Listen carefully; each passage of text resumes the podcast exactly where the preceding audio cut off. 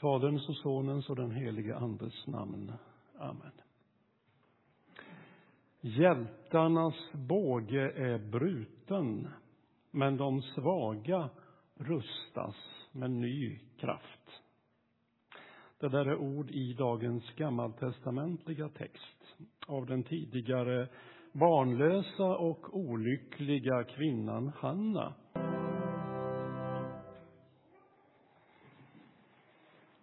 Låt oss bedja.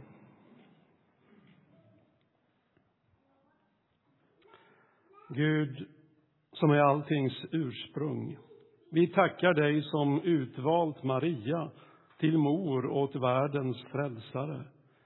Fyll oss med din nåd, så att vi, liksom hon, säger ja till din heliga vilja. Genom Jesus Kristus, vår Herre. Amen. Vi lyssnar till tre gammaltestamentliga läsning på Jungfru Marie bebådelsedag. Den är hämtad från eh, Första Samuelsbokens andra kapitel. Så bad Hanna. Mitt hjärta jublar över Herren. Jag kan bära huvudet högt.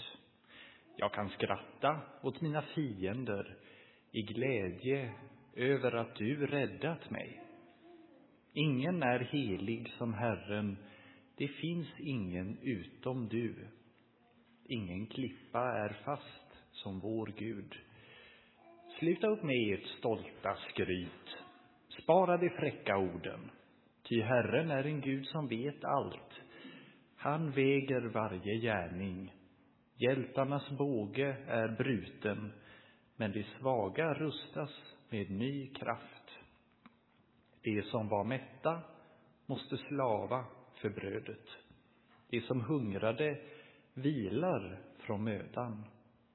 Sju söner får den ofruktsamma medan den barnrika vissnar bort. Herren dödar och ger liv, leder ner i dödsriket och räddar därifrån. Herren gör fattig och han gör rik. Han förnedrar och han upphöjer. Den hjälplöse reser han ur gruset. Den fattige lyfter han ur dyn. Han ger dem rum bland förstar och låter dem trona på hedersplats. Ty jordens fästen tillhör Herren. På dem har han lagt jordens rund.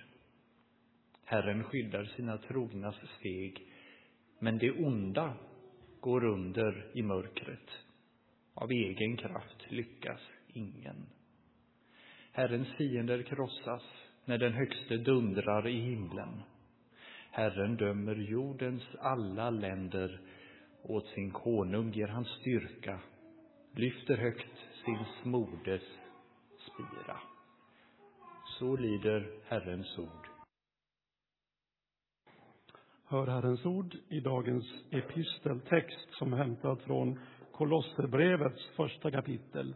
Och där skriver aposteln Paulus. Han är den osynlige Gudens avbild, den förstfödde i hela skapelsen. Ty i honom skapades allt i himmelen och på jorden, synligt och osynligt. Troner och herravälden, härskare och makter. Allt är skapat genom honom och till honom. Han finns före allting och allting hålls samman i honom. Och han är huvudet för kroppen, för kyrkan. Han som är begynnelsen, förstfödd från de döda till att överallt vara den främste. Ty Gud beslöt att låta all fullhet bo i honom och att genom hans blod på korset stifta fred och försona allt med sig genom honom och till honom. Allt på jorden och allt i himmelen. Så lyder Herrens ord. Lyft era hjärtan till Gud och hör dagens heliga evangelium. Så skriver evangelisten Lukas i sitt första kapitel. I den sjätte månaden blev ängeln Gabriel sänd från Gud till en ung flicka i staden Nasaret i Galileen. Hon hade trolovats med en man av Davids släkt som hette Josef och hennes namn var Maria. Ängeln kom in till henne och sa var hälsad, du högt benådade. Herren är med dig. Hon blev förskräckt över hans ord och undrade vad denna hälsning skulle betyda. Då sa ängeln till henne, var inte rädd, Maria. Du har funnit nåd hos Gud. Du ska bli havande och föda en son, och du ska ge honom namnet Jesus. Han ska bli stor och kallas den Högstes son. Herren Gud ska ge honom hans fader Davids tron och han ska härska över Jakobs hus för evigt och hans välde ska aldrig ta slut. Maria sa till ängeln, hur ska detta ske? Jag har ju aldrig haft någon man. Men ängeln svarade henne, helig ande ska komma över dig och den Högstes kraft ska vila över dig. Därför ska barnet kallas heligt och Guds son. Elisabet, din släkting, väntar också en son nu på sin ålderdom. Hon som sades vara ofruktsam är nu i sjätte månaden, ty ingenting är omöjligt för Gud. Maria sa, jag är Herrens tjänarinna. Må det ske med mig som du har sagt. Och ängeln lämnade henne. Så lyder det heliga evangeliet. Lovad vare du, Kristus. Då var det söndags. Låt oss eh, tillämpa lite källkritik på den här berättelsen om eh, Marias möte med ängeln. Den som berättar är evangelisten Lukas och han var inte med när det hände utan har hört någon annan berätta. De enda som var med när det hände var ju Maria själv och ängeln. Men eftersom ingen annan verkar ha sett den där ängeln vid det här tillfället så är det bara Maria som kan vara källan till hela berättelsen. Kanske var hon eh, 14 år när det hände. Ungefär som konfirmanderna här framme. Om du tänker dig att du har en 14-årig dotter som kommer och berättar en sån här historia. Ja, ni fattar. Det är liksom inte alldeles självklart att man som förälder skulle tro på den. Först skulle man bara vifta bort den som en fantasi och när det sen visar sig att hon väntar barn och samtidigt bedyrar att hon och Josef inte har legat med varandra, Ja hon hade ju faktiskt en pojkvän när det här hände och han hette Josef. Ja, då skulle man väl dra den självklara slutsatsen att de visst hade legat med varandra. Och trots allt var det inte världens katastrof. För i den här kulturen så var det inte så ovanligt med så unga mammor. Detta att de inte hunnit gifta sig var visserligen kanske lite genant men Maria och Josef var ju faktiskt trolovade. Och inom judendomen räknades det i stort sett som att man var gifta. Man hade samma rättsliga status. Som förälder skulle du alltså ha dragit den självklara slutsatsen att Josef var pappa till barnet. Det barn som Maria väntade.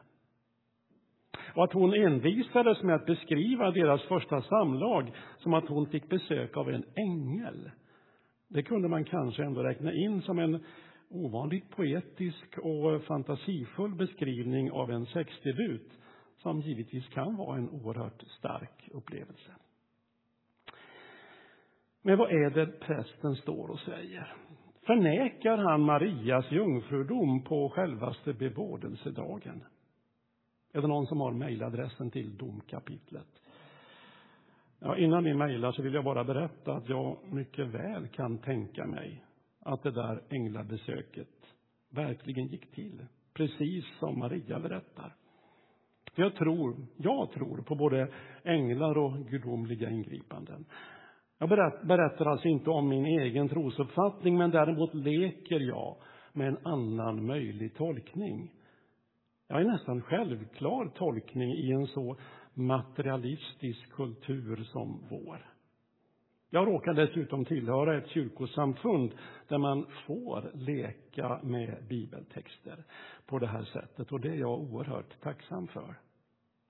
Visserligen kan individer inom kyrkan tycka att det är opassande och rent av hädiskt, men för mig är det ännu viktigare att försöka göra den här berättelsen åtkomlig för fler än de självklart troende. Dessutom tror jag att Bibelns berättelser är till för att fantisera om på just det här sättet. De är öppna och de har tusen ingångar i sig och minst lika många utgångar. Jag fortsätter alltså att leka med tanken att Josef verkligen var pappan. Men då uppstår ju problemet att Jesus inte visar sig vara vilket barn som helst. Nu kan man ju säga att det gäller om alla barn. För alla barn är unika. Och vissa barn är så unika att vi förser dem med diagnoser och bokstavskombinationer. Men i fallet Jesus så var det mer än så. Tolv år gammal visar han sig kunna resonera på jämbördig fot med landets främsta religiösa experter i Jerusalems tempel. Sen återgår det mesta till det normala igen, men i 30-årsåldern hände ju allt det där märkliga som evangelierna berättar om.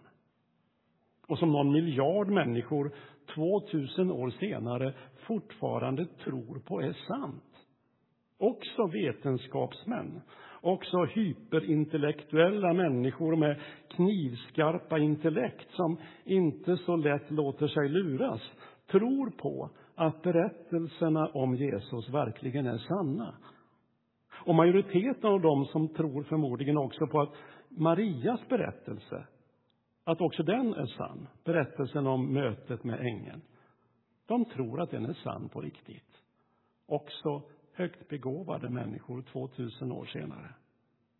Men jag vill ändå fortsätta att leka med den där mer materialistiska tolkningen. Just för att jag råkar leva i världens mest materialistiska kultur. Och då kan man ställa sig frågor om Marias berättelse oavsett sanningshalt skulle kunna skapa en händelsekedja liknande den som Jesus fick uppleva. Ett barn som växer upp och från början injiceras med den självbilden att du är Guds egen son. Vad skulle inte det kunna åstadkomma? Ta bara våra hjärnor. Det påstås ju ibland att vi använder sådär 10 procent av vår hjärnkapacitet. Och somliga forskare har ju med utgångspunkt i så kallade savanter menat att alla människor i själva verket har allt de upplevt lagrat djupt nere i sin hjärna. Det finns där. Det är bara det att de så kallat friska inte har tillgång till just de skikten av hjärnan. Savanter är ju barn med autistiska diagnoser som har extrema begåvningar inom avgränsade fält. Vi har till exempel den brittiska dokumentären med pojken som efter en helikoptertur över London förmår rita in varje fönster och varje byggnadsdetalj på exakt rätt plats med utgångspunkt i ett tomt vitt papper. Tänk om Jesus hörde till de där extremt särbegåvade barnen och att detta i kombination med den självbild som hans mammas berättelse gav upphov till, tänk om det i sig gjorde honom till den enastående människa han var. Nej, jag tror inte själv på den berättelsen, men däremot tror jag att den har något att säga om vad känslan av utvaldhet kan göra med en människa. Se bara vad den känslan har gjort med det judiska folket som menar sig vara Guds särskilt utvalda folk. Känslan av, av, av, av utvaldhet den har skapat avundsjuka och utanförskap och gett det judiska folket ett lidande som inget annat folk tvingats utstå.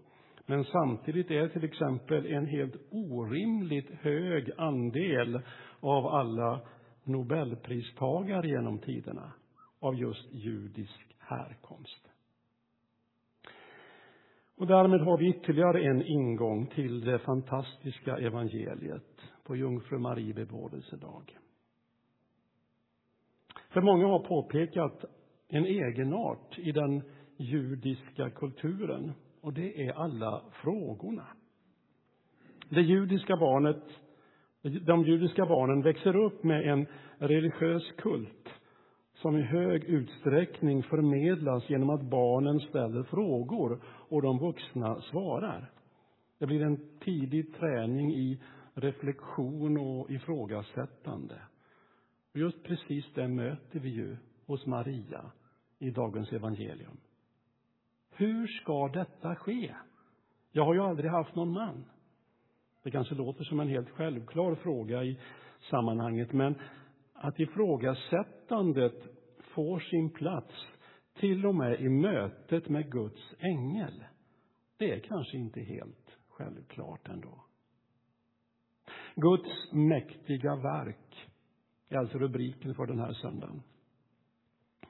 I jantelagens Sverige, där ingen ska tro att hon är något, kanske sånt som en genuin upplevelse av utvaldhet och en frimodig tilltro till sitt eget förnuft så att man vågar tro att just mina frågor förtjänar att ställas.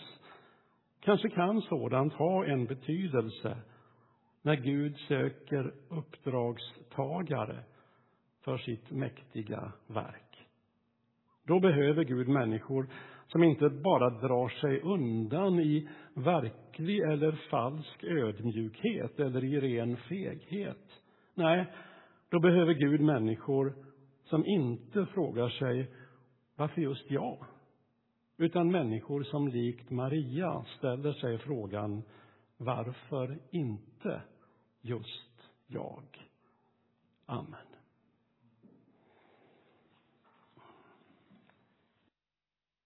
Låt oss stå upp och stämma in i kyrkans bekännelse. Vi tror på Gud Fader allsmäktig, himmelens och jordens skapare. Vi tror också på Jesus Kristus, hans enfödde son, vår Herre, vilken är avlad av den helige Ande, född av jungfrun Maria, pinad under Pontius Pilatus, korsfäst, död och begraven, nederstigen till dödsriket, på tredje dagen uppstånden igen ifrån de döda, uppstigen till himmelen, sittande på allsmäktig Gud faders högra sida, därifrån igenkommande till att döma levande och döda. Vi tror också på den helige Ande, en helig allmännelig kyrka, det heligas samfund, syndernas förlåtelse, de dödas uppståndelse och ett evigt liv. Gud, du som lät din son bli människa jungfru Marias kropp.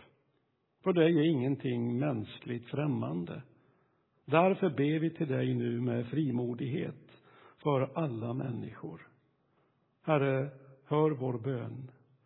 Låt ditt rike komma. Vi ber för vår trasiga värld. Vi ber särskilt för dem som har drabbats av det pågående coronautbrottet. De som har drabbats direkt genom att bli sjuka. De som har drabbats genom att bli rädda. De som har drabbats ekonomiskt och socialt genom isolering och ensamhet. Herre, var med dem alla. Lär oss följa din goda vilja och inte skada oss själva och andra människor. Hjälp oss att leva i försoning med dig och med varandra. Ge oss förstånd att bruka jordens resurser på rätt sätt. Hjälp oss att tillsammans arbeta för att alla människor ska kunna bo i trygghet på jorden. Herre, hör vår bön. Vi ber att du kallar unga människor till tjänst i din kyrka. Välsigna dem som är under utbildning. Kom nära dem som brottas med sin kallelse.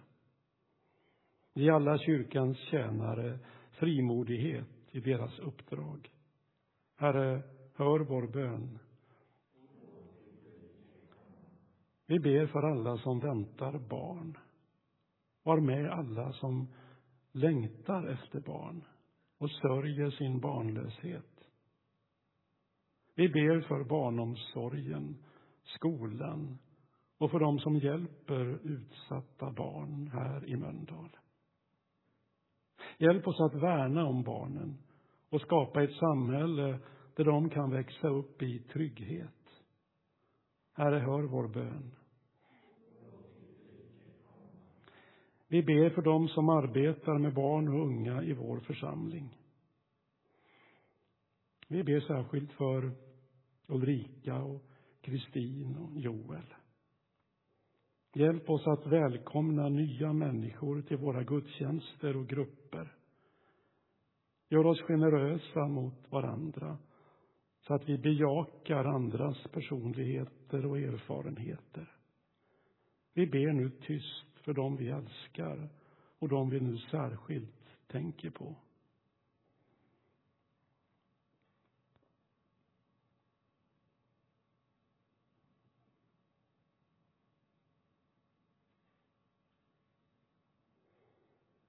Herre, hör vår bön.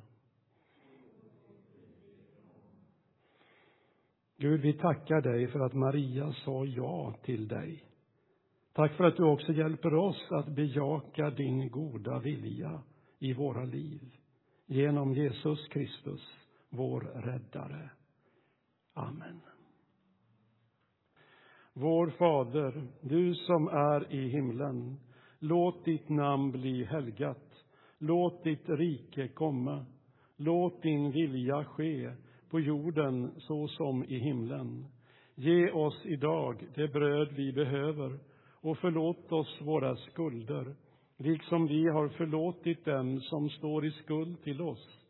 Och utsätt oss inte för prövning, utan rädda oss från det onda. Ditt är riket, din är makten och äran i evighet. Ta emot Herrens välsignelse.